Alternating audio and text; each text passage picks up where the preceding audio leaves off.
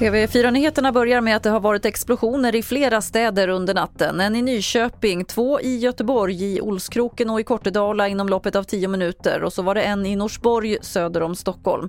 Alla explosionerna ska ha hänt vid bostadshus men det finns inga uppgifter om skadade personer.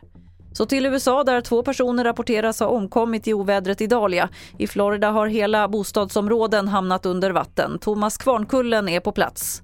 Ja, det är ju väldigt stor förödelse i de delar av Florida som hamnade mitt i orkanens väg. Flera av de invånare som jag har träffat i de här områdena idag beskriver det här som något av det värsta de har varit med om.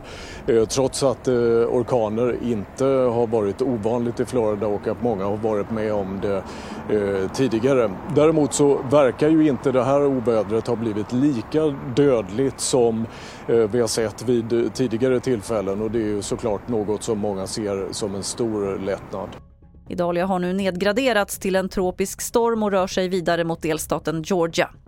Idag skärps trafikreglerna för alla som kör A-traktor. Det finns idag över 50 000 registrerade A-traktorer i Sverige och för att minska antalet olyckor måste alla från och med idag använda bälte och ha ett eget säte. Senare i år är också planen att det blir krav på vinterdäck. Fler nyheter finns på tv4.se. Jag heter Lotta Wall.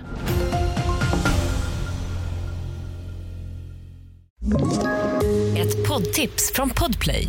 I fallen jag aldrig glömmer djupdyker Hasse Aro i arbetet bakom några av Sveriges mest uppseendeväckande brottsutredningar.